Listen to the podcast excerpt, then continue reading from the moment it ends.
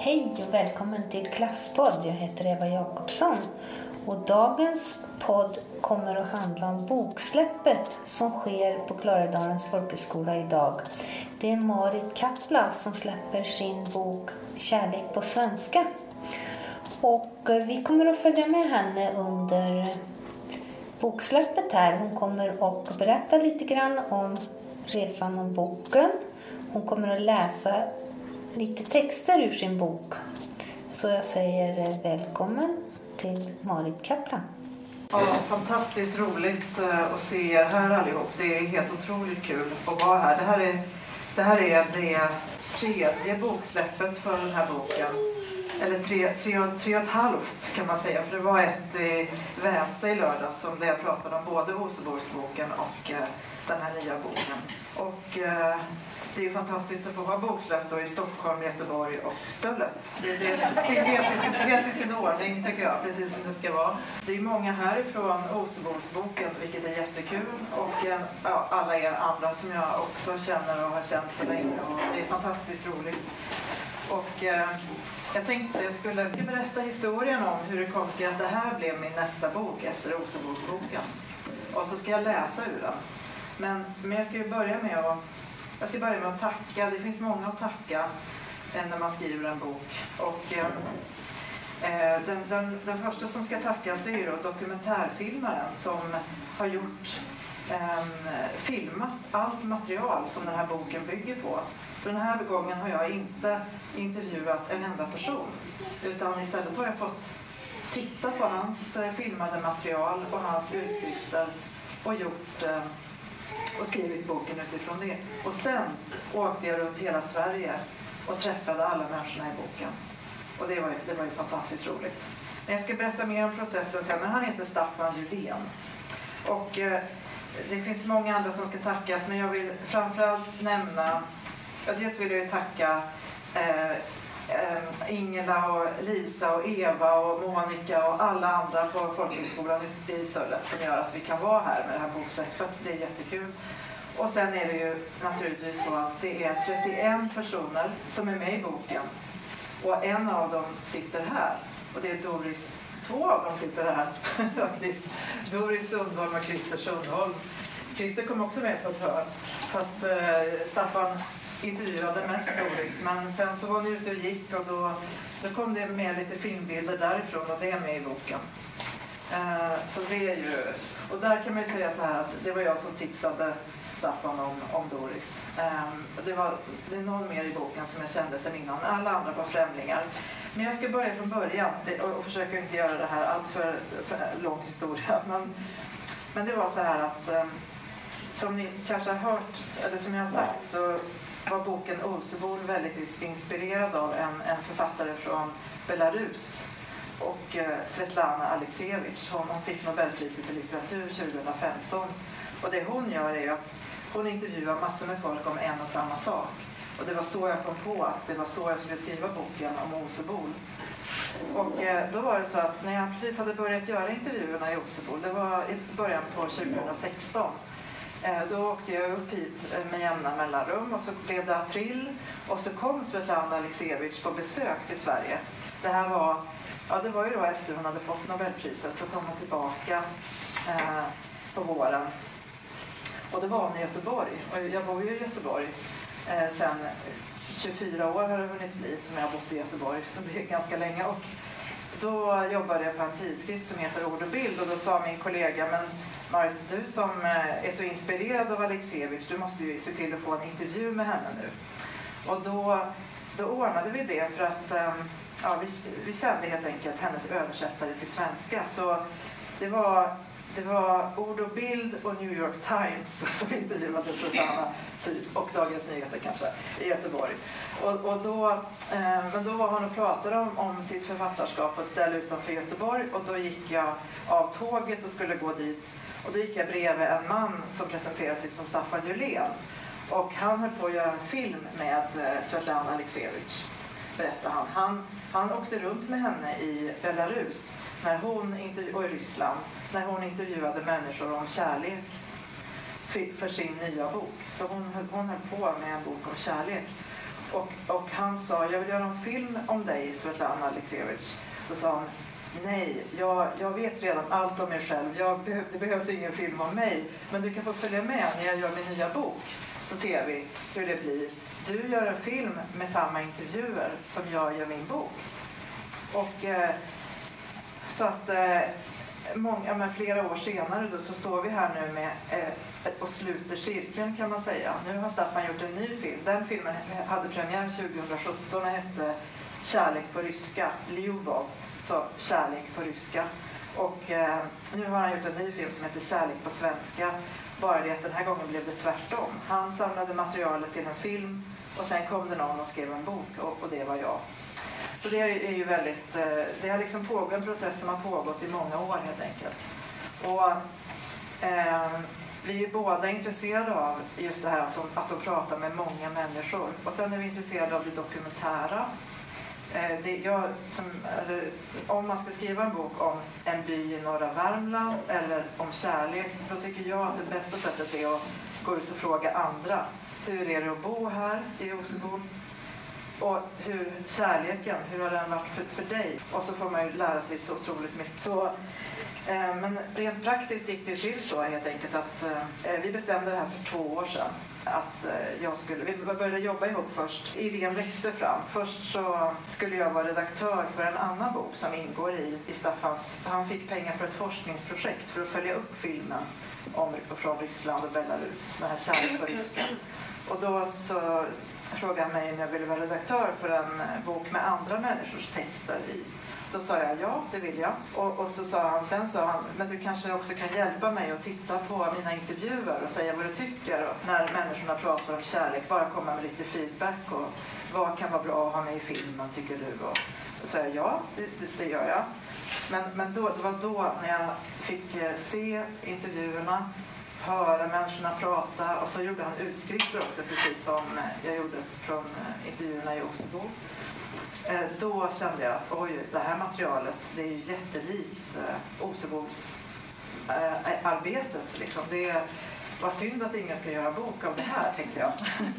och sen så vid något tillfälle så hade vi ett möte och det var i början på pandemin precis. Det var på våren 2020. Och då var det en person på mötet som frågade, men skulle ni kunna göra någon annan text från, istället för den här, bara den här boken med, andra, med olika forskares texter om det dokumentära och om kärlek. Och då, det var då jag då liksom trillade polletten ner äntligen. Och så tänkte jag, oj då, om jag säger det här nu då måste jag göra det. Och det kommer kanske ta några år.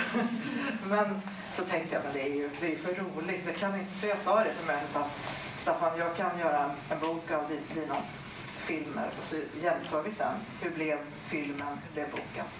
Då sa han ja, så det låter jätte, jättekul, så gör vi. Och så att han har ju då Sen, sen, då bestämde vi direkt att jag skulle inte titta på hans film, han skulle inte läsa min bok förrän man var klar med sitt jobb. Liksom. Så att, eh, jag gjorde hela boken utan att se hans film.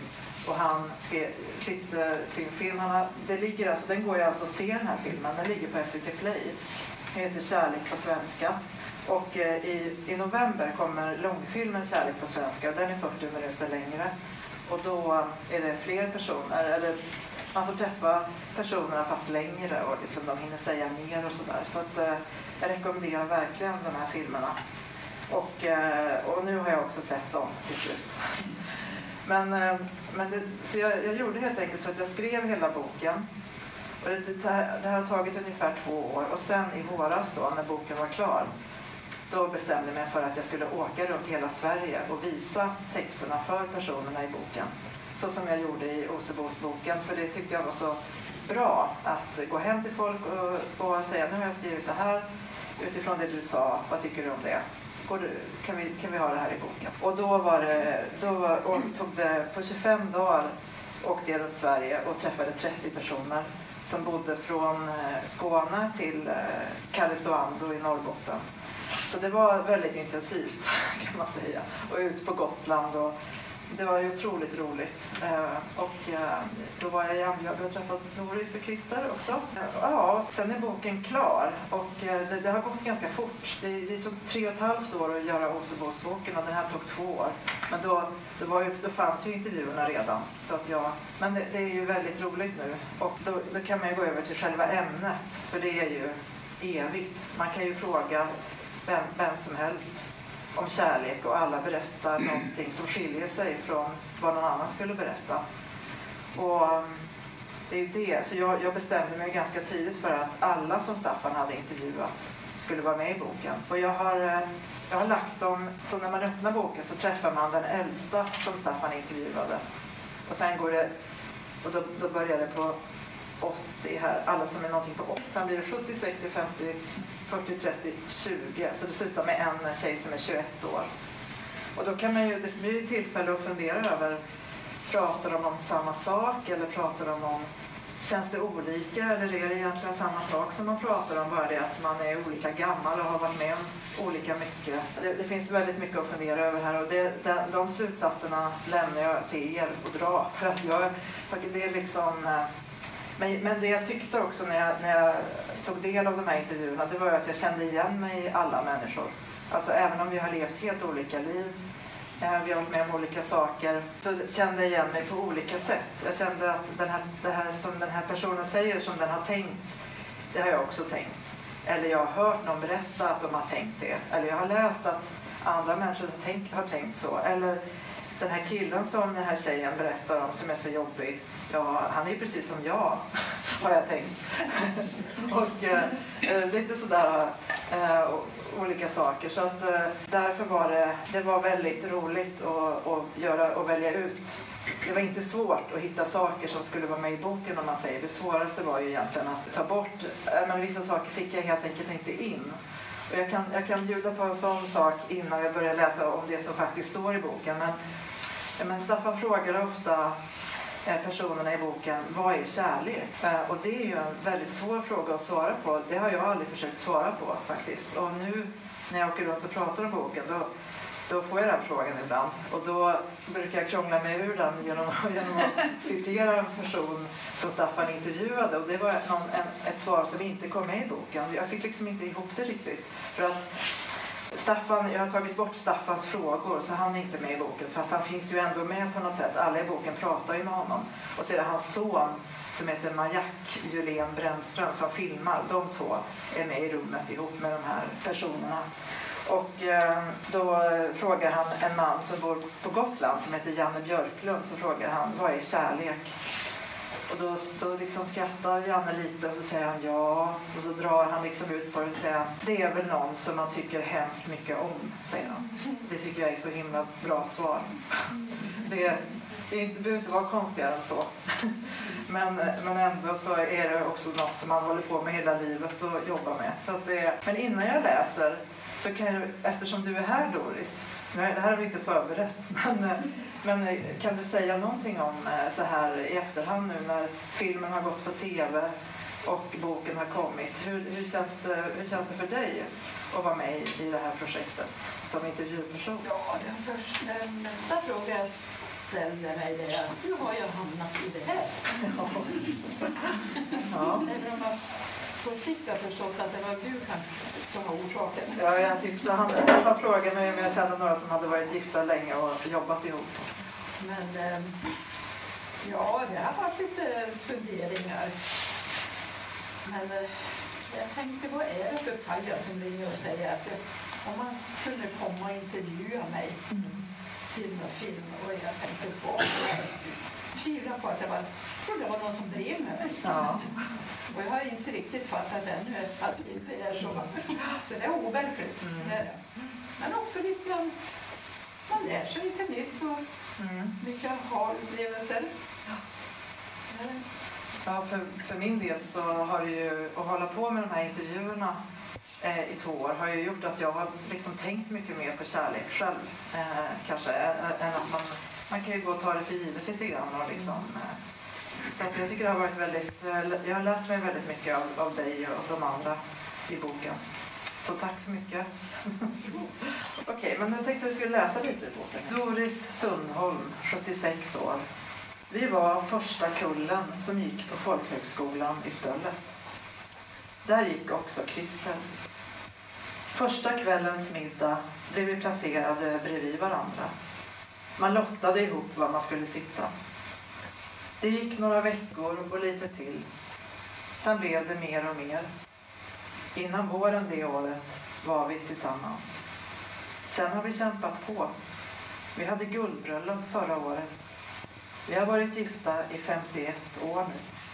Christer är handlarson. Det lockade att bli sin egen. Det blev en butik till salu här i Ambjörby. Då hade vi två barn och en tredje på väg när vi bestämde oss att vi skulle pröva lyckan. Vi sålde vårt hus i Kil och flyttade upp hit. Det var 1974. Sedan dess har vi varit kvar. Vi hade tre små barn. Det var ett litet pussel att få ihop det. Barnen var ofta med. Yngste pojken låg i sin vagn utanför affären när han var nyfödd. Det var alltid någon kund som satt och vaggade på vagnen och kom och berättade att nu är han hungrig, nu får du gå ut Doris, sa de. Man orkade med fast det var så mycket jobb, för det var så otroligt trivsamt. Man hade allt här, tyckte jag. Man längtade liksom inte ut, för vi hade så mycket här. Ett tag minns jag att jag var lite sur när Christer började åka så mycket skidor. Det tog mycket tid. Ska du träna för ett Vasalopp så behöver du ut. Även om han aldrig började träna förrän efter jul. Då gick varje helg. Men jag tänkte så ibland. Han sitter ju inte på krogen och super och gör av med pengar och beter sig. Utan han är med och jobbar desto mer. Då tänkte jag, nej, jag ska inte vara sur på det. Utan jag börjar på att träna, jag också. Så anmälde jag mig till Öppet spår och körde det. Jag körde Vasaloppet också en gång. Men så tänkte jag, så himla roligt var det inte med det där. Utan här kan gott få hålla på. Jag hittade på andra grejer att ha lite ledigt med. Det kan ni se Doris säga i filmen också. Lasse Labba, 71 år. Jag gjorde lumpen i Kiruna. Då for vi till Jokkmokks marknad. Då träffade jag äldre släktingar och följde med dem ut på dans. Och jag tittade på min släkting. Han blundade när han dansade. Jag tänkte, det är väl så man ska göra och kanske njuta av dansen. Så jag bjöd upp. Till slut fick jag upp någon tjej. Sen blundade jag när vi höll på där. Efter några varv kollade jag då var hon borta. Jag sa åt min släkting, hörru du, det där med att blunda, nej det ska man inte. Det har jag kommit på. Hon hade försvunnit under dansen. Nej, det var väl det att jag kunde inte dansa. Få se nu, det är så länge sedan. Hur var det nu? Om jag inte kommer ihåg fel så tror jag att jag träffade henne i Jokkmokk. Det kan ha varit i Gällivare också. Det var på sametillställningen. Men det är länge sedan. Det var väl på dans. Det var väl på dans, jo. Jag var dålig på att dansa och jag sparkade henne i smalbenen hela tiden. Och så fick jag väl en spark tillbaka. Är det inte så kärleken börjar? Man får en dunk i huvudet eller en rak höger. Jag fick spark i smalbenet. Vad tänkte jag? Jag ger mig. Och jag gav mig. Jag tänkte, nu är det färdigt. Nu ger jag mig. Beatrice Johansson, 55 år. Jag tror på den psykologiska tesen att det vi får med oss när vi växer upp går igen när vi blir äldre och vuxna. Det stämmer tyvärr med mig. Min förebild när jag växte upp, det var min pappa som var ganska kärlekslös. Eller väldigt kärlekslös. Dömande, lite aggressiv, missnöjd. Jag fick inte mycket av honom. Vare sig bekräftelse, kärlek, framförallt ingen omtanke. Idag märker jag att min pappa försöker visa mig kärlek. Han är uppvuxen i Österrike och haft självmord och psykisk ohälsa och sånt runt sig. Aldrig fått kärlek själv. Det där har jag förlikats med. Sen kan jag se hur han idag försöker på ett väldigt naivt sätt. Ringer och pratar om vad han har gjort idag och vad han ska äta. Men det finns någonting där. Jag var i Australien för några år sedan. Då var jag väldigt sjuk. Jag fick bältros över hjärtat och bröstet. Låg på sjukhus, riktigt svårt sjuk. Då ringde han till sjukhuset. Det var första gången han sa att han älskar mig. Då sa han det på engelska. Det var lite rörande. Vi pratade och pratade och så sa han Du, i love you. André Estrada, 54 år. Om man tittar på den gamla tavlan där borta. Man är ett barn först. Vid 20 års ålder ska man ha någon typ av kärlek. I 30 års ålder ska man ha barn och skapa en familj. Vid 40 ska man skapa sig en karriär. Vid 50 är man i toppen på sin karriär. Vid 60 och 70 går man ner, dalar man ner. Det är det gamla tankesättet i Sverige. Hur man tänkte sig en man, en familj. Man ska skaffa sig en familj. Och jag har aldrig haft någon familj. Det har varit så hela mitt liv. Jag har varit i relation med kvinnor i ett halvt år, ett år kanske, högst. Sen har det blivit så. Jag kanske har blivit rastlös efter ett tag. Jag ville komma därifrån. Jag vet inte. Det kanske är det som är min rädsla. Att fastna i ett och samma mönster. Man går och gör samma saker varje dag. År ut och år in. Fy fan. Ursäkta mig. Man kanske inte ska svära i TV. Kristoffer Bocker, 43 år. Jag bestämde mig vid någon tidpunkt för att jag inte skulle träffa någon eller leva tillsammans med någon annan. Det blev en sån otrolig frihetskänsla i det. Att fatta ett aktivt beslut. Att leva själv. Jag avinstallerade alla appar. Jag var väldigt säker på att jag inte skulle leva med någon. Av någon anledning återinstallerade jag Tinder när jag var i Göteborg en gång, bara över en helg. Och så matchade jag med någon från Norge. Sen fortsatte vi att hålla kontakt, skrev till varann och sådär. Till sist bestämde vi oss för att träffas. Jag åkte dit med en krukväxt i famnen och vi är tillsammans. Det jag har lärt mig är att det är omöjligt eller väldigt svårt att veta någonting om sina känslor. Det är något som upptäcks i stunden. Först när det finns att uppleva går det att känna hur det känns. Det är det som gör att det kan kännas hopplöst. Att man inte kan kontrollera. Att det inte går att förutse. Det går aldrig att planera. Det är väl därför det är så fint när det fungerar. Just för att det inte går att planera eller styra över. Det kan få vara tudelat kring det. Att det både kan vara fruktansvärt och fantastiskt. Det är det som är kärlekens väsen. För mig i alla fall. Ebba Akterin, 21 år. Jag har varit på så märkliga dejter. Det här att man möter människor som man aldrig hade mött i verkliga livet. Det var en kille, jag skulle följa med honom hem och måla om hans skåp.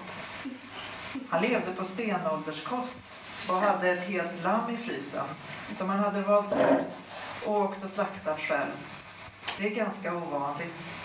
Han var 22, så han var i min ålder. Sen skulle vi gå ut på en promenad. Så är det en kvinna på hans bakgård som har ramlat ihop och är ganska påverkad. Vi ringer polisen. Hon vill inte ha någon hjälp. Sen slutade det med att vi följer med henne och får skjuts hem i polisbilen. Då sa vi till dem att ja, vi är på Tinder-dejt. Det, är vår- första dejt. De skrattade så mycket. Eftersom jag är på väg att lämna så har algoritmerna förlorat kanske. De har gett mig lite för lite av det bra. Elias Bernmarker, 23 år. Det var någon gång när vi hade varit ute. Så hade vi kommit hem och låg i sängen och pratade. Så kollade jag på henne och såg att hon var borta i tankar och frågade henne vad hon tänkte på. Hon ville inte berätta. Alltid innan har jag fått fram vad hon har tänkt. Det har varit små grejer. Jag är kär i dig eller jag tänker på dig jättemycket. Sådana grejer. Men jag fick inte fram vad hon tänkte på. Då tänkte jag för mig själv.